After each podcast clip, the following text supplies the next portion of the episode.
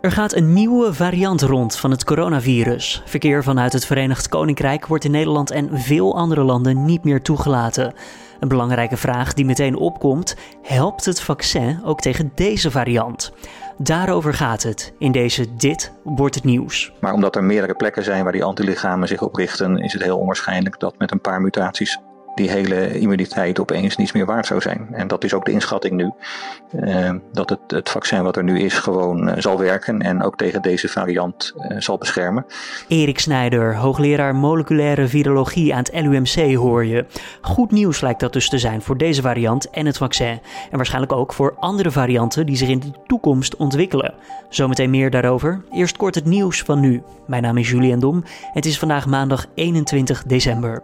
Dit is de Dit wordt het nieuws middagpodcast. Het Europees Geneesmiddelenbureau, de EMA, heeft het coronavaccin van Pfizer voorwaardelijk toegelaten. Het is het eerste coronavaccin dat in de EU gebruikt mag worden. Het vaccin zou volgens de eerder gepubliceerde onderzoeksresultaten een effectiviteit van 95% hebben en is in 94% van alle gevallen succesvol bij 65-plussers. De voorwaardelijke toelating betekent dat het middel is goedgekeurd op basis van minder informatie dan normaal het geval is. Het toelatingsproces duurde nu 11 weken, waar meer dan een jaar de standaard is. Nederland start op 8 januari met vaccineren. En zorgpersoneel behoort dan tot de eerste groep die het vaccin toegediend krijgen. Twee mannen zijn schuldig bevonden aan doodslag en mensenhandel na de dood van 39 Vietnamese migranten in een vrachtwagen in het Verenigd Koninkrijk. De slachtoffers werden in oktober vorig jaar dood aangetroffen in een koeltruck die vanuit België naar Groot-Brittannië was verscheept. Een 43-jarige man speelde volgens de rechtbank een sleutelrol en ook de 24-jarige chauffeur van de vrachtwagen wordt verdacht van medebetrokkenheid. Beide mannen kunnen levenslang krijgen. Het RIVM meldt vandaag 11.212 nieuwe positieve coronatests. Dat zijn er iets minder dan het gemiddelde van de afgelopen zeven dagen. En het is de eerste daling van het aantal in vijf dagen tijd. Vandaag is er voor zover ook geen sprake van een compensatie door een eerdere storing. Vermoedelijk honderden Nederlandse vrachtwagenchauffeurs zitten vast in het Verenigd Koninkrijk vanwege de reisbeperkingen die zijn opgelegd vanwege de nieuwe variant van het coronavirus. Die inschatting maakt Transport en Logistiek Nederland. Veel chauffeurs staan in lange files voor de veerboten en de kanaaltunnel en ze dreigen in het Verenigd Koninkrijk te moeten blijven, al dus de brancheorganisatie. Het kabinet wordt opgeroepen om te zoeken naar een oplossing, zodat de chauffeurs toch nog voor de kerst weer thuis kunnen zijn. Een plannetje van de vuurwerkbranche om toch licht vuurwerk te kunnen verkopen in de aanloop naar oud en nieuw gaat niet door. Het ministerie van Binnenlandse Zaken geeft de branche geen toestemming om zelf vuurwerk te bezorgen of speciale loketten te openen om het af te halen. Alleen vuurwerk van de lichtste categorie is met de jaarwisseling toegestaan, maar versturen mag niet en de winkels zijn dicht, waardoor het nu in huis halen onmogelijk lijkt te zijn. De nieuwe variant van het coronavirus is het gesprek van de dag. We hebben het er ook over hier in de podcast. Veel vragen worden gesteld aan ons als redactie, maar er gaat ook veel rond op het internet. Ik probeer duidelijk te maken vandaag, niet alleen voor jou als je luistert, maar ook voor de personen met twijfels in je omgeving. Verwijs daarom gerust door naar dit gesprek of gebruik de informatie die je hier hoort om anderen bij te praten over hoe het coronavaccin werkt. Aan de telefoon heb ik Erik Snijder. Hij is hoogleraar moleculaire virologie aan het LUMC. Meneer Snijder, laten we beginnen bij de basis. Hoe ontstaat precies een virusmutatie? Een virusmutatie ontstaat eigenlijk bij toeval uh, als een, een kopieerfout uh, bij het vermenigvuldigen van het virus. Het virus uh, heeft een, een genoom, net als alles wat leeft een genoom heeft. En dat is eigenlijk een soort van uh, een kralenketting, in dit geval van een stuk of 30.000 kraaltjes. En uh, af en toe gaat daar het verkeerde kraaltje in bij het kopiëren. En uh, ja, dat is een mutatie. En is een mutatie dan ook meteen altijd gevaarlijker dan de oorspronkelijke variant? Nee, absoluut niet. De, heel veel mutaties betekenen eigenlijk niets. Die veranderen bijvoorbeeld niets aan de eiwitten van het virus. Er zit een soort speling op die genetische code die ervoor zorgt dat uh, niet elke mutatie ook meteen echt een verandering oplevert in het virus.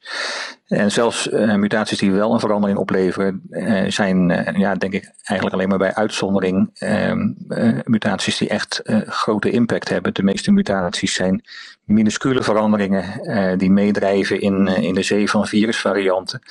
En alleen onder bijzondere omstandigheden eigenlijk naar boven komen, omdat ze bijvoorbeeld een voordeel opleveren voor het virus. En Het kan een klein voordeeltje zijn, of een, misschien een wat groter voordeel. Maar de eerste geluiden hier zijn niet dat dit een, een virusvariant is die zeg maar 10 of 100 keer infectieuzer of gevaarlijker of uh, meer ziekmakend zou zijn dan het origineel. Voordat we dan verder gaan over de eh, variant die, waarover veel gesproken wordt in het Verenigd Koninkrijk. Een, een, virus kan dus muteren naar drie opties. Of het wordt minder gevaarlijk, of het blijft hetzelfde, of het wordt gevaarlijker. Dat zo, zo simpel is het. Ja, daar zitten, daar zitten natuurlijk allerlei grijstinten tussen. Maar je zou het in die eh, drie groepen eh, kunnen, kunnen opsplitsen, ja. Oké, en eh, ja, dan die, deze variant in het Verenigd Koninkrijk. Wat maakt deze dan zo bijzonder? Hij valt op omdat hij meer mutaties heeft dan de meeste andere uh, die dit jaar, gedurende dit jaar, in kaart zijn gebracht. die die 30.000 kraaltjes kun je dus precies bepalen. Ehm, dat is een vrij tijdrovend en, en kostbare exercitie, maar die is voor, voor honderdduizenden virusisolaten inmiddels gedaan, verzameld over de hele wereld en door honderden laboratoria die zich daarmee bezighouden. En dat gaat in een database waarin je eh, die 30.000 kraaltjes dus eh, kunt vergelijken met elkaar. En nou, dan is uiteraard het referentiepunt is het virus wat uh, uh, oorspronkelijk uit Wuhan is, is binnengekomen. En de, bijvoorbeeld de, de isolaten uit het voorjaar in Nederland hadden 8, 9, 10 mutaties ten opzichte van die, die 30.000 kraaltjes uit Wuhan. En inmiddels loopt dat langzaam op. Zijn er isolaten die, die 15 of 20 van die veranderingen hebben.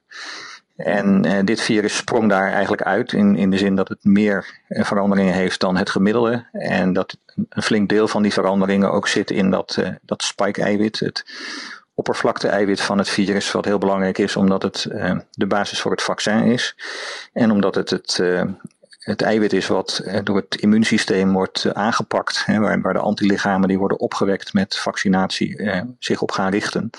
Dus veranderingen in zo'n eiwit zouden kunnen betekenen dat de, de, vaccin minder goed werkt of dat de antilichamen minder goed hun werk kunnen doen. U zegt zou kunnen betekenen, dat weten we nog niet zeker? Zou kunnen, ja. ja. Nou, de, de, het lijkt er vrij duidelijk op dat voor deze variant dat niet het geval is. Men heeft uh, die, uh, die acht mutaties in het spike-eiwit uh, goed bekeken. En ehm, ja, sowieso een geval, het geval dat ehm, de immuniteit die wordt opgewekt niet op één plek gericht is. Dus antilichamen binden op meerdere plekken aan dat oppervlakte-eiwit van het virus. En elk van die plekken bestaat weer uit een aantal contactpunten. En zo'n mutatie kan hooguit één zo'n contactpuntje verstoren. Dat betekent eigenlijk al uh, vrij gauw dat dan dat antilichaam uh, nog steeds zijn werk kan doen. Misschien iets minder goed. Maar omdat er meerdere plekken zijn waar die antilichamen zich op richten, is het heel onwaarschijnlijk dat met een paar mutaties die hele immuniteit opeens niets meer waard zou zijn. En dat is ook de inschatting nu. Uh, dat het, het vaccin wat er nu is gewoon zal werken en ook tegen deze variant zal beschermen. Maar het is tegelijkertijd ook al een waarschuwing dat het, dat het op termijn anders zal kunnen worden. Ja, want is het dan zo simpel als we hebben nu gewoon geluk gehad bij deze mutatie dat het vaccin nog werkt? Nou, ik denk, nee, het is niet echt een kwestie van geluk. Het, het is, uh, het is een vrij breed werkend vaccin, daar mag je van uitgaan. Anders had, had men er denk ik ook niet aan begonnen als duidelijk was geweest dat met een, uh, een paar puntmutaties het hele vaccin onderuit zou gaan. Want eh, het is heel veel werk eh, om het te maken en, en, en te gebruiken. En het is eh, natuurlijk bekend dat dit, dit soort virussen dit doet. Het is geen verrassing dat die mutaties ontstaan. En eigenlijk mag je verwachten dat die alleen nog maar uh, prominenter ontstaan als die immuniteit straks opgebouwd wordt in de bevolking. Dus als mensen of door een, een natuurlijke infectie of door vaccinatie beschermd zijn, immuun zijn dan wordt het pas echt rendabel voor het virus om, om varianten uh, te maken die uh, ontsnappen aan die immuniteit. Oftewel die agressiever dan, worden. Nou, niet per se agressiever, maar die, die door kunnen gaan uh, terwijl de meeste mensen immuun zijn. Hè. Dan, dan heb je dus de kans dat de immuniteit achterloopt, zoals we dat bijvoorbeeld ook bij het influenzavirus kennen. Dat de, de immuniteit van vorig jaar niet meer genoeg is om te beschermen tegen het virus van dit jaar. En uh, ja, of dat echt een jaarlijks fenomeen is, uh, dat, dat zullen we moeten afwachten. Dat, dat hopen we natuurlijk niet. Uh, maar het zou best kunnen dat misschien eens in de drie of in de vijf of in de tien jaar een, een bijgesteld vaccin voor coronavirussen nodig zou kunnen zijn. Dat we dus een, ja, niet een jaarlijkse griepprik krijgen, maar bijvoorbeeld een vijfjarige coronaprik. Ja, ja, bijvoorbeeld. Is het nou toeval dat deze mutatie heeft plaatsgevonden in het Verenigd Koninkrijk? Dat lijkt me wel, ja. Tenzij je complottheorieën rond de, de, rond de brexit wel, uh, wel uh, starten op dit punt. Maar dat lijkt me uh, niet aan de orde. Het had overal kunnen gebeuren. Ja, dit had overal kunnen gebeuren. En ik denk als het ook niet op een eiland was gebeurd, om het maar zo te zeggen, dat het ook een heel ander verhaal was geweest. Want als dit, nou ja, noem eens wat, in Nederland was begonnen, dan was het natuurlijk al lang de grens overgegaan voordat de alarmklok geslagen werd.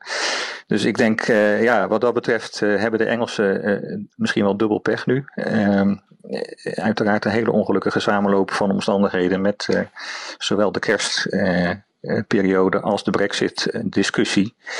En ja, dat is natuurlijk veel meer een, een politiek-economisch probleem dan een virologisch probleem. ja, het virus gaat zijn gang en ehm, ja, ik denk niet dat het een, een specifieke link met Engeland zal blijken te hebben uiteindelijk. Wat weten we nou nog niet over deze specifieke mutatie en eh, ja, hoe komen we daar op den duur wel gewoon achter?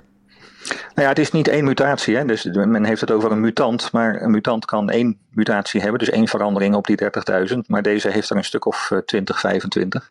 En dat maakt het dus lastig eh, te doorgronden welke van die 20 of 25, of welke combinatie van die mutaties, eh, belangrijk is voor de veranderingen van de eigenschappen van het virus. En dat, het zou dus één punt van die 20, 25 punten kunnen zijn. Het zou één van de 20 kunnen zijn, het, het, kan ook drie van de 20 zijn. En dat kon je eigenlijk alleen maar ontrafelen door uh, vrij ingewikkeld en langdurig onderzoek te gaan doen. Waarbij je eigenlijk die mutaties uh, los uh, zet van elkaar. Dus virussen maakt die maar één mutatie hebben. En die zou je dan precies kunnen vergelijken um, om te zien ja, welke mutaties er impact hebben en welke niet.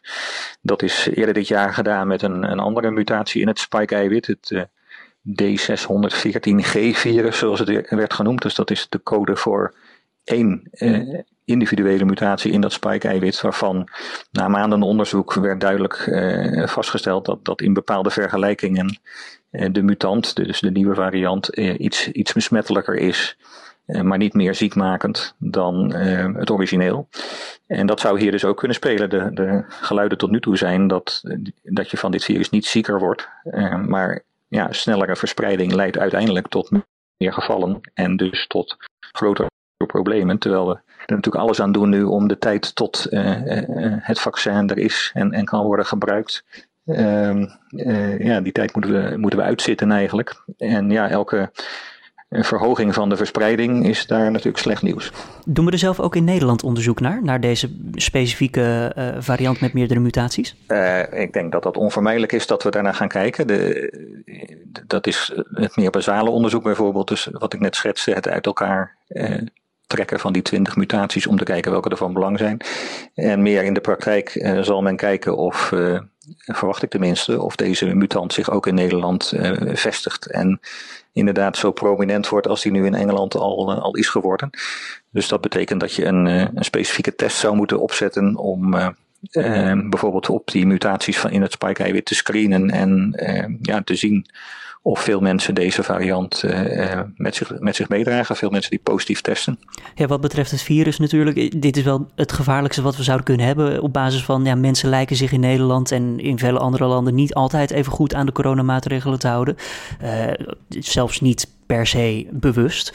Zou, als u schatting zou moeten maken, heeft u vertrouwen in dat we deze variant wel tegen kunnen houden in Nederland, ondanks de maatregelen die nu al genomen zijn, zoals geen vliegverkeer. Ja, nou, de, nou het vliegverkeer staat er een beetje los van. Ik denk, ik denk de, de maatregelen die er tot nu toe waren, gewoon de standaard maatregelen, afstand houden, et cetera.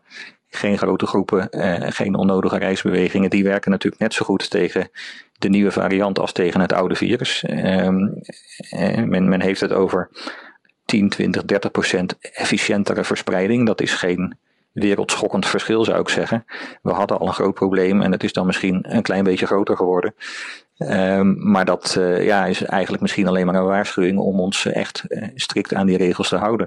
Het uh, reisverbod met het Verenigd Koninkrijk is een, een ander verhaal. Um, dat lijkt me meer een, een ad hoc maatregel nu om even goed te kunnen inschatten en nadenken wat er ons nu te doen staat. Het is natuurlijk ondoenlijk om het Verenigd Koninkrijk ja, weken of maanden lang te isoleren van de rest van de wereld. Uh, ook dat zou grote consequenties hebben en, en slachtoffers uh, maken.